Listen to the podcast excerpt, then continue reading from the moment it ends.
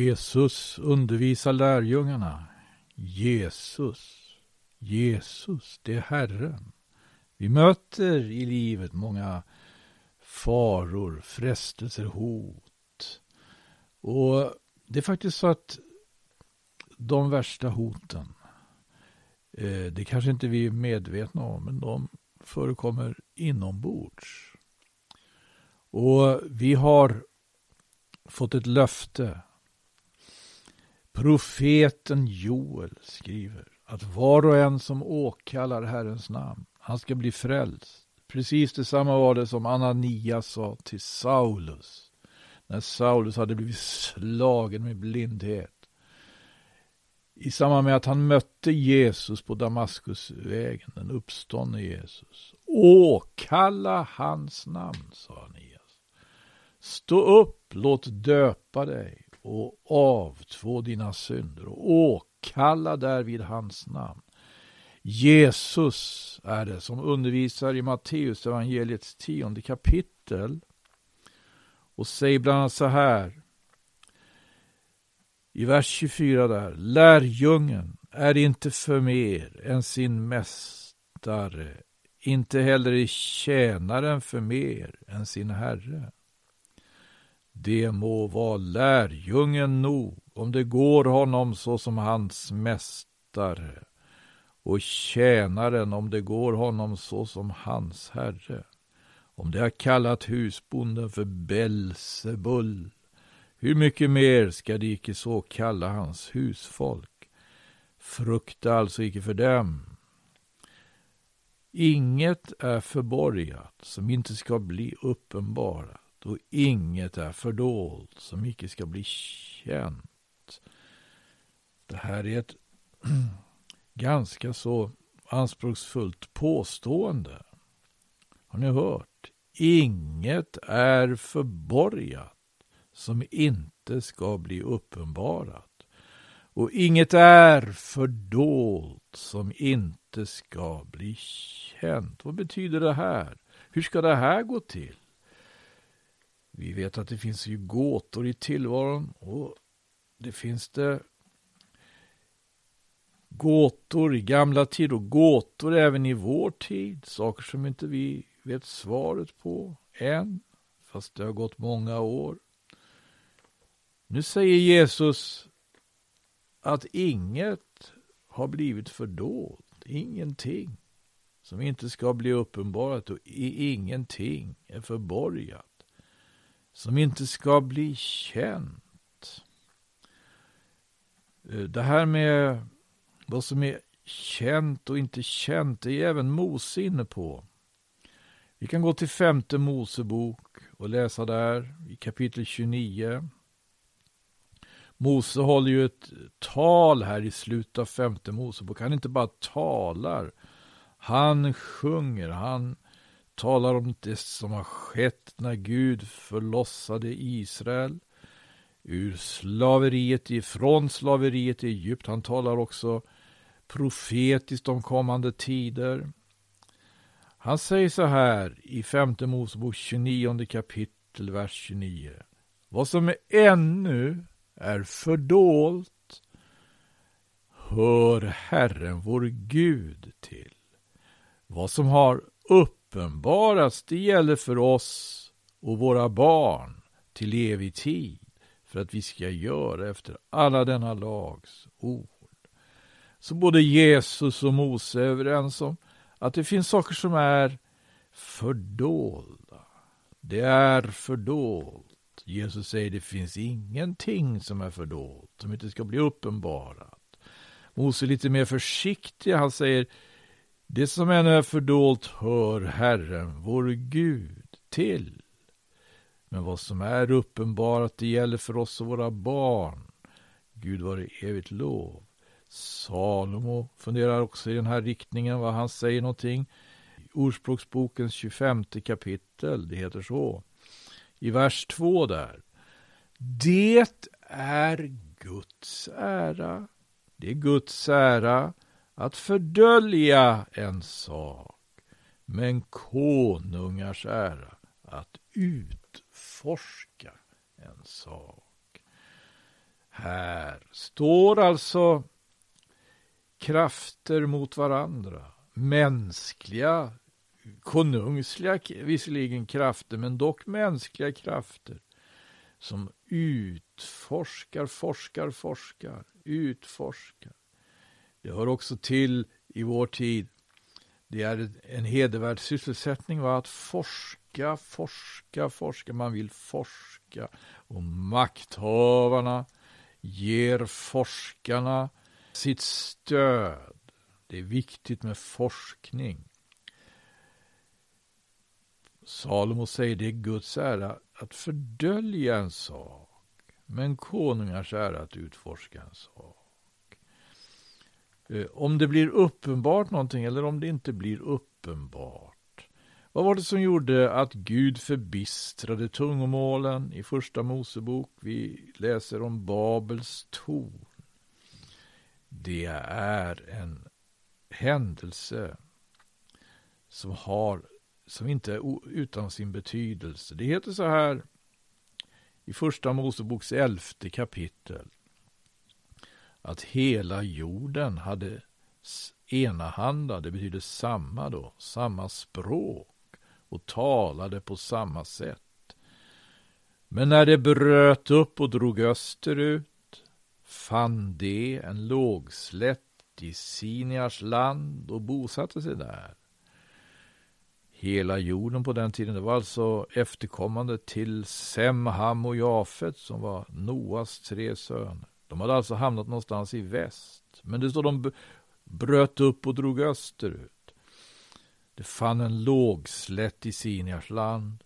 Det bosatte sig där och det sa till varann Kom, låt oss slå tegel och bränna det.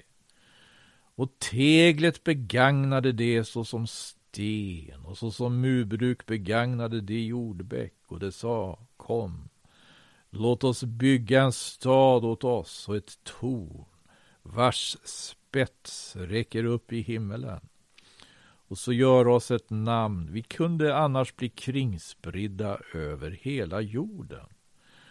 Då steg Herren ner för att se staden och tornet som människobarnen byggde och Herren sa Det är ett enda folk Se, det är ett enda folk och har alla ett enda språk.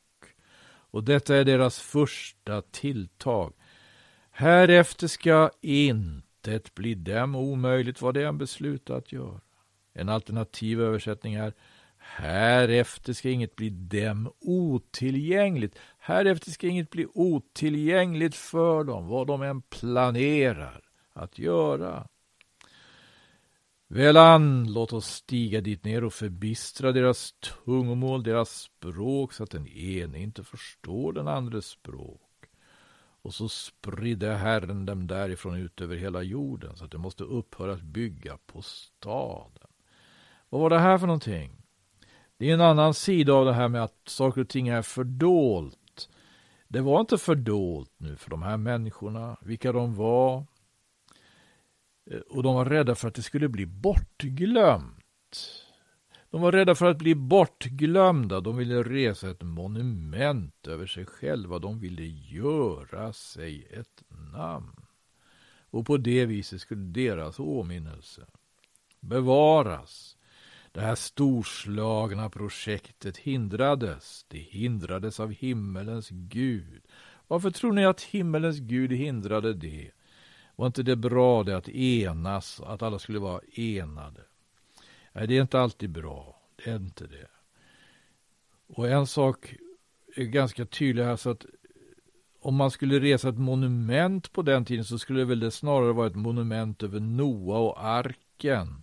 Man kunde komma ihåg vad Gud hade gjort och hur Gud hade räddat Eh, människorna, mänskligheten, se till att mänskligheten överlevde en stor katastrof, syndafloden, floden, den stora floden. Det vore något att komma ihåg. Det vore något att resa ett monument över eller på något sätt ingravera någonstans eller skriva någonting om. Ja, det, nu blev det skrivet om det. Det är den berättelsen vi har i Bibeln. Det står också om Babels torn och hur människorna inte ville bli bortglömda och ville resa ett monument över sig själva och se på detta praktfulla som de hade gjort och tänka på. Vad då? Ja, inte på sin synd och inte på att det var så att en gång hade mänskligheten så urartat och världen så urartat att det var nödvändigt att sända en flod, en stor flod. Den floden läser vi om i det föregående kapitlen. Här har vi i alla fall det här att eh, Gud griper in och Gud förhindrar någonting. Vad är det han förhindrar? Att man avancerar på något vis, skaffar sig erfarenheter, skaffar sig så att säga ett rykte. Eh, det är tydligen inte alltid bra. Vad är det som gör att exempelvis profeten Jeremia, profeten Jeremia uttrycker sig på det här sättet? När han eh, först varnar judafolket för att på grund av deras avfall från Gud skulle det drabbas av en vredesdom. Han förutsäger den babyloniska fångenskapen. Men han förutsäger också fri, eh, befrielsen från Babylon. Och det, gör han i ett kapitel eh, där vi också har de här orden. Vi läser i Jeremias 31 kapitel. Så här står det, jag läser från vers 35. Så säger Herren, han som har satt solen till att lysa om dagen och månen och stjärnorna till att lysa om natten i ordnad gång. Han som rör upp havet så att dess böljor brusa. Han vilkens namn är Herren Sebaot. Först när denna ordning icke mer består inför mig, säger Herren, först då ska Israels släkt upphöra att inför mig alltjämt vara ett folk. Ja, så säger Herren. Här kommer det viktiga. Så säger Herren. Först när himmelen blir uppmätt där ovan och jordens grundvalar utransakade där nere. Först då ska jag förkasta all Israels släkt till straff för allt vad de har gjort, säger Herren. Här har vi också någonting av en prestation, alltså, som eh, liksom antyds. Ja, när himmelen blir uppmätt där ovan och jordens grundvalar utransakade där nere. Vad är det som vad är det som det här handlar om? Det handlar just om forskning, gör det inte det? Forskning. Man utforskar.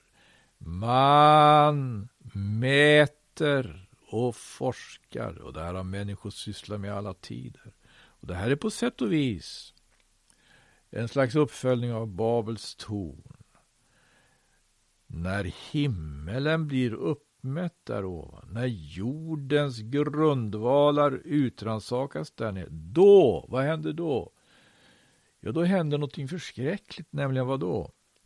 Då ska jag förkasta all Israels släkt. Först då ska jag förkasta all Israels släkt till straff för allt vad de har gjort, säger Herren. Här ser vi också det här att mänsklig ansträngning, mänskliga erfarenheter, mänsklig forskning på något vis bedöms negativt. Verkligen inte alltid. Nej, det är konungars ära att utforska en sak. Men det är Guds ära att fördölja en sak. Vad är det för någonting som står på spel här? Vad är det för någonting? Vad är det här för kraftmätning? En kraftmätning mellan Gud och människor. när, him, när, människor, när människor lyckas u, mäta upp himmelen och jordens grundvalar utransakas fullständigt. Först då ska jag förkasta all Israels släkt. Ja, det kan ju, här, kan ju vara ett annat sätt att säga det här kommer aldrig att ske. När, när, när ska det någonsin kunna gå att mäta upp himlen? Det talar ju om någonting som eh, människor kanske inte visste då det såg ut som om himlen var otroligt stor och omfattande. Men vi vet i denna tid att himlen, världsrymden om vi säger så, är mycket mer stor och omfattande än människor fattade då. Däremot så vet jag inte om jordens grundvalar, jordens grundvalar om vi ser fysiska mått, är ju inte, ja, det är naturligtvis också gigantiskt, det är helt o, o, o, outtömligt, jordens grundvalar. Så det här kan vara ett sätt att säga att först när himlen blir uppmätt där ovan och jordens grundvalar utrannsakade. Det är ett sätt att säga det kommer aldrig att ske, det kommer aldrig att ske, alltså jag kommer aldrig att förkasta all Israels släkt till straff för allt vad de har gjort. Men det finns dock här någonting. Tänk om det skulle vara så att det gick att mäta upp himlen. Tänk om det skulle vara så att jordens grundvalar gick att verkligt utrannsaka ja, då skulle han alltså förkasta all Israels släkt. Så det här är också på sätt och vis ett exempel på att mänsklig forskning och strävan att få veta allting, att prestera någonting, att komma fram till någonting, något projekt, att det, att det strider mot Guds vilja. Det strider mot Guds vilja. Här kan vi ju fundera på, eh, därför att det är ju en väldigt aktuell debatt allt som ofta det här om forskningen och vetenskapens frihet och religiösa fördomar. Va? Det, kan, det kan finnas religiösa fördomar. Och det är verkligen inte bra. Det är inte bra. Men när vi har att göra med Gud själv, ja då hade, då hade alltså Salomo det här att säga att det är Guds ära att fördölja en sak, men konungars ära att utforska en sak. Guds ära att fördölja, konungars ära att utforska. Det finns en forskning som vi har all anledning. Det finns eh, vetenskap och forskning som vi har all anledning att vara tacksamma för, verkligen tacksamma för. Men det finns också något i Bibeln. Bibeln talar om att någon gång, någonstans, så måste människan backa för Guds helighet. Finns inte det en respekt alltså för skaparen när vi sysslar med skaparens verk? Ja, då är någonting som inte är bra. Det är inte bra att religiösa fördomar står i vägen för väsentliga insikter och, och så att säga resultat på forskningens område när det verkligen är bra för människor. Men när människor uppträder på ett sådant sätt och handskas med Guds skapade verk på ett sådant sätt som att det inte finns någon skapare, som att det inte finns någon Gud, då är det inte bra. Då är det någonting som hopar sig. Då hopar sig Eh, en, så att säga, kunskap som egentligen inte är en kunskap. Det finns en kunskap som inte är en kunskap. Och aposteln Paulus är inne på det här när han skriver till korintierna. Han skriver nämligen så i Korintierbrevets åttonde kapitel. Alla har vi kunskap. Ja, vad angår den saken så känner vi nog till det talet att alla har vi kunskap. Kunskapen uppblåser, men kärleken uppbygger. Om någon menar sig ha fått någon kunskap, så har han ännu icke fått kunskap på sådant sätt som han borde ha. Men den som älskar Gud, han är känd av honom. Alltså, har någon om någon menar sig ha fått någon kunskap så har han ännu inte fått kunskap på sånt sätt som han borde ha. Det handlar också om det här att, att, att, att en människa menar sig ha fått kunskap. det, det finns någonting där som aposteln anmärker på. Han anmärker på att det skulle vara liksom att på ett alldeles för, för, eh, ska vi säga, för ivrigt sätt liksom hävda att man har fått något veta, att man har tagit det på ett alldeles för ivrigt sätt utan att egentligen tänka på vem, som, vem är det som ger kunskap. Från Herrens mun kommer kunskap och förstånd, läser vi också i Salomos ordspråk. Det är Guds ära att fördölja en sak. Vad som ännu är fördolt, det hör Herren vår Gud till. Det finns anledning att när vi utforskar skapelsen ska vi inte låta oss eh, ledas av religiösa fördomar. Nej, det är inte bra, men någonstans måste man backa för Guds helighet. Om det är så att det är konungars ära att utforska något och Guds ära att fördölja något, då verkar det som det finns en olöslig konflikt i tillvaron. Konungar som är människor vill alltid utforska.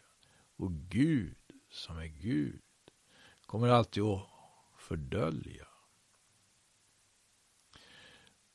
men den här konflikten, den upplöses ju när konungarnas konung och herrarnas herre kommer i världen. Jesus Kristus. Han är ju den som utforskar saker och ting på rätt sätt. Han överträder aldrig den gräns som sätts av Guds helighet. Han är lammet. Han som också i Matteus evangeliet utbrister. I tidigare kapitlet här, i förresten, i, förlåt, vi var i tionde kapitlet, då blir det senare kapitlet, vi går till Matteus evangeliets elfte kapitel. Det står så i 25 versen att Jesus talade och sa, jag prisar dig, Fader, du himmelens och jordens Herre, för att du väl har dolt detta för det visa och kloka, men uppenbarat det för det enfaldiga. Ja, Fader, så har ju varit ditt behag. Allt har av min fader blivit förtrott åt mig. Och ingen känner sonen utom fadern. Ej heller känner någon fadern utom sonen och den för vilken sonen vill göra honom känd. Alltså här, här går en gräns. När människor är ivriga att få kunskap, när människor är ivriga att underlägga sig till när människor är ivriga att exploatera. Och den ivern leder till att man glömmer Gud. Att man inte längre räknar med Gud. Att man tycker man har blivit, vad då? Lika Gud kanske? Ja. Nej. Här, säg, här ser vi konungarnas konung och herrarnas herre. Han prisar sin fader. Han prisar himmelens och jordens herre som väl har dolt detta, står det. För det visa och kloka, men uppenbart det för det enfaldiga. Det finns ära våre Gud, en uppenbarelse som är värd att söka. Den söker vi inte med aldrig så mycket ivrig vetgirighet. Den söker vi i bön. Den söker när vi går till en enda källa som verkligen ger, förmedlar detta. Det är den heliga skrift. Den heliga skrift. Det är uppenbarelsen som vi så väl behöver. Det är uppenbarelsen. Ingen profetia i något skriftens ord kan av någon människas egen kraft utläggas. Enligt aposteln Petrus. Ingen profetia har någonsin framkommit av en människas vilja. utan därigenom att människor som var förda av Gud, ledda av Gud, talade vad som hade blivit dem givna av Gud. Det är det vi möter i skriften, det är det vi möter i ordet. Ska vi ta vara på tillfällen när de kommer att församlas omkring ordet, i bön, i tacksägelse. Ja, Gud hjälp oss, i Jesu namn.